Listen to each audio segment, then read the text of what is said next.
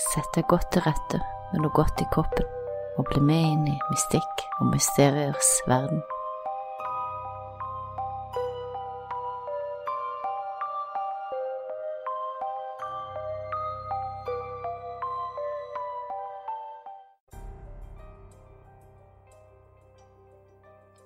Det var den 4. juni 1960, da den 15 år gamle finske Mailer Bjørklund og Anja Tulike bestemte seg for å dra på campingtur. Med seg hadde de sine 18 år gamle kjærester, Seppo Boismann og Nils Wilhelm Gustafsson. Men det som begynte som en uskyldig telttur, skulle snart ende som en scene tatt rett ut ifra en skrekkfilm.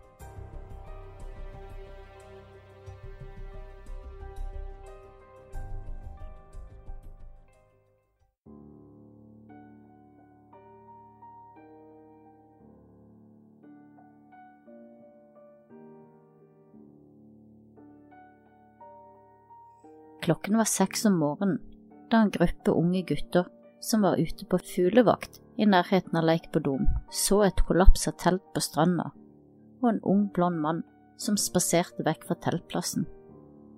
Det var ikke før klokka elleve samme morgen, da en jogger ved navn Risto Sirin oppdaga teltet og ungdommene, at politiet ble kontakta. Politiet var raskt på stedet og fant tre døde ungdommer og en som var hardt skadet. Den eneste overlevende, Nils Gustafsson, fortalte historien om hva som hendte hundrevis av ganger i årene etter. En gang mellom klokken fire og seks om morgenen ble Maila, Anja og Seppo stukket i hjel igjennom teltduken, mens Nils ble liggende igjen hardt skadet med hjernerystelse, en brukket kjeve og flere brukne bein i ansiktet. Anja og Seppo ble funnet inne i teltet, mens Myla, Nils sin kjæreste, ble funnet på toppen av teltet. Hun var naken fra livet og ned, og hun lå ved siden av Nils. Myla var også den som det var mest skade på, og det var tydelig at hun hadde blitt knivstukket også etter sin død. For politiet var åstedet forvirrende fra første stund. Angriperen hadde ikke gått inn i teltet men hadde angrepet i blinde fra utsiden ved å stikke kniven vilkårlig gjennom teltet. Kroppene viste tydelig at de var blitt angrepet med kniv, men kroppene viste også tegn på å ha blitt angrepet med et annet våpen, et uidentifisert blunt objekt. I tillegg så mangla det flere ting fra åstedet, som gjorde det hele enda mer mystisk. For eksempel var ungdommenes nøkler til motorsyklene borte, men selve motorsyklene var ikke rørt. Nils sine sko manglet også, og ble senere funnet 750 meter fra teltet, sammen med deler av Nils sine klær. Lommebøker og flere andre personlige eiendeler ble aldri funnet igjen. Det gjorde heller ikke drapsvåpenet. Politiet skulle senere bli uttenkt av mediene for hvordan de hadde håndtert åstedet. Politiet hadde ikke skrevet rapport om hva de fant på åstedet, og de stengte ikke av området, noe som gjorde at åstedet fort ble forurenset. Kort tid etter at politiet forlot området, ble plassen fylt av nysgjerrige tilskuere og hensynsløse campere, og åstedet ble fort ødelagt.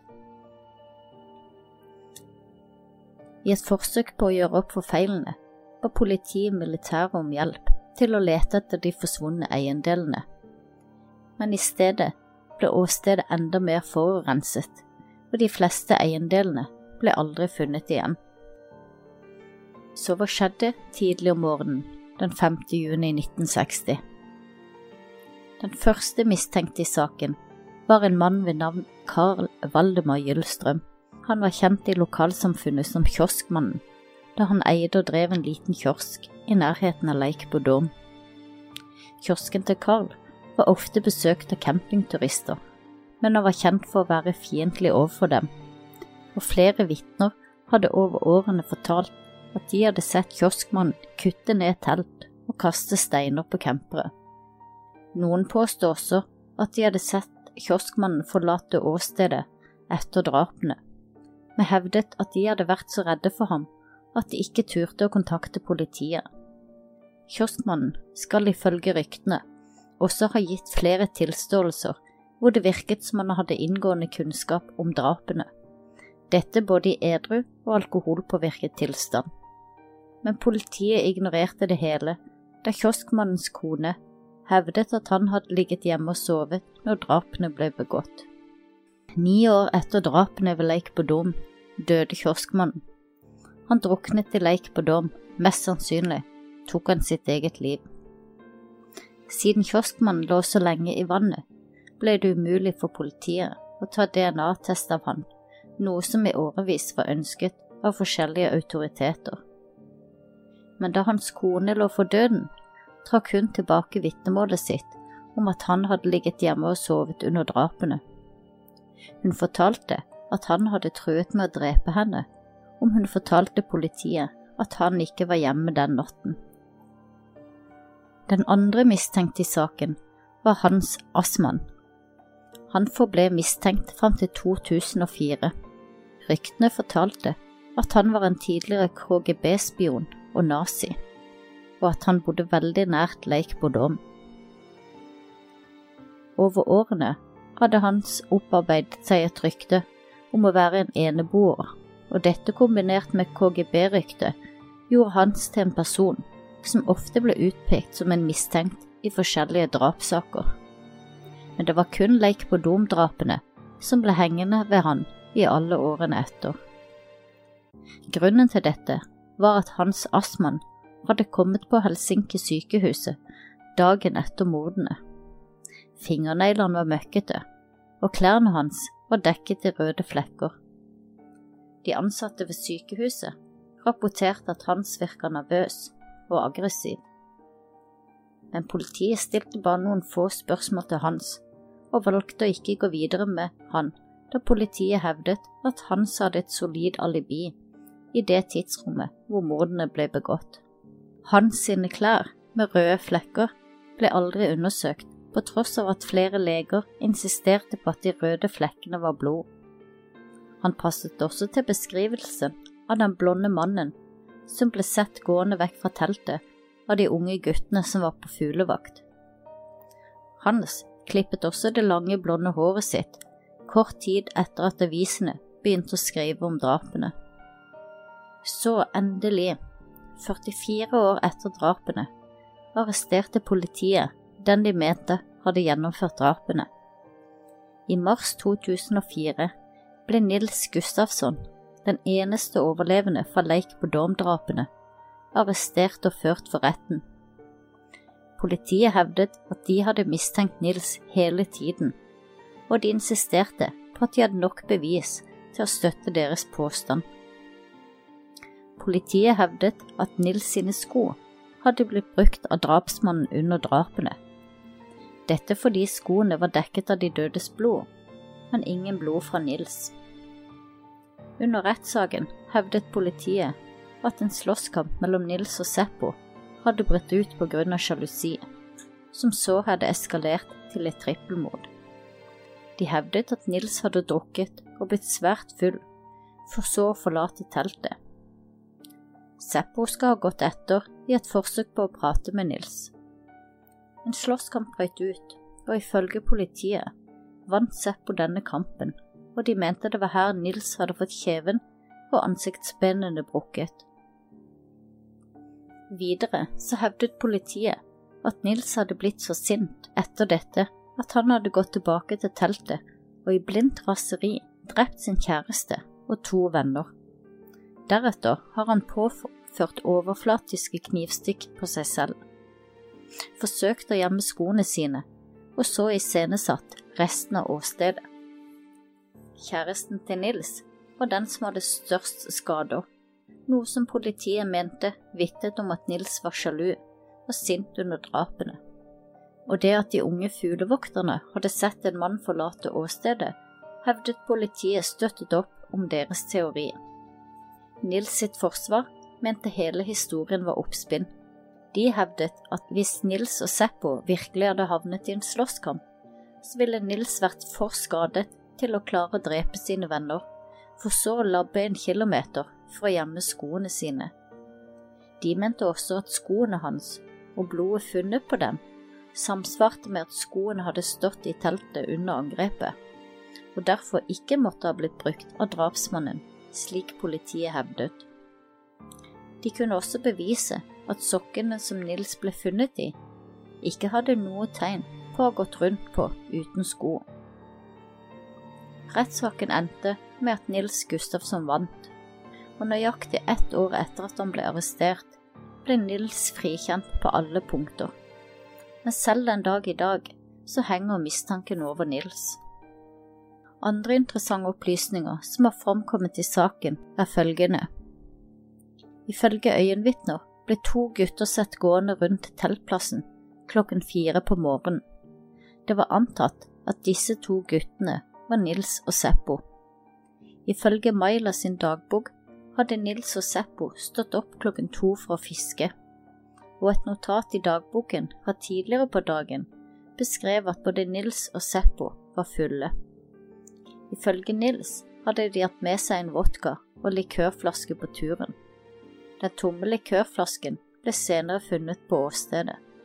Flere vitner, blant annet fuglevokterne, så en blond mann med en lys skjorte forlate åstedet rundt klokken seks på morgenen, men ingen av vitnene så at han bærte på noe. Så mysteriet om de forsvunne gjenstandene lever videre, samt hvordan og hvorfor Nils sine sko havna 750 meter vekk ifra teltet. Nils har hevdet at han ikke husker noe etter at han la seg til å sove i teltet men i senere vitneavhør hevdet han å huske at han ble dratt ned mot vannkanten, og at det skal ha vært slepemerker mellom teltet og vannkanten, men på et senere tidspunkt trakk han dette tilbake igjen. En av betjentene som var med og arresterte Nils, hevdet at Nils under arrestasjonen hadde sagt gjort er gjort i 15 år, som kom.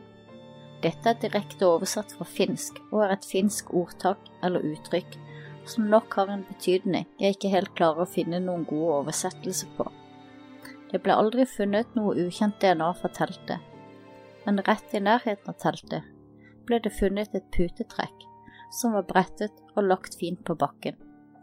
Dette putetrekket inneholdt ukjent DNA fra sæd og blod. Men politiet konkluderte med at dette putetrekket ikke hadde noe med drapene å gjøre. Men hvem vet om det egentlig kom fra drapsmannen. Det var to separate drapsvåpen som ble brukt. Det ene var en kniv, og det andre kunne se ut til å ha vært en stor stein. Ingen av disse har noen gang blitt funnet. Drapene bar også preg av, av å ha blitt utført hurtig, da ingen av ofrene syntes å ha hatt tid på å reagere og kjempe tilbake. Under begravelsen til de tre drepte, var det en ukjent person til stede som ingen visste hvem var.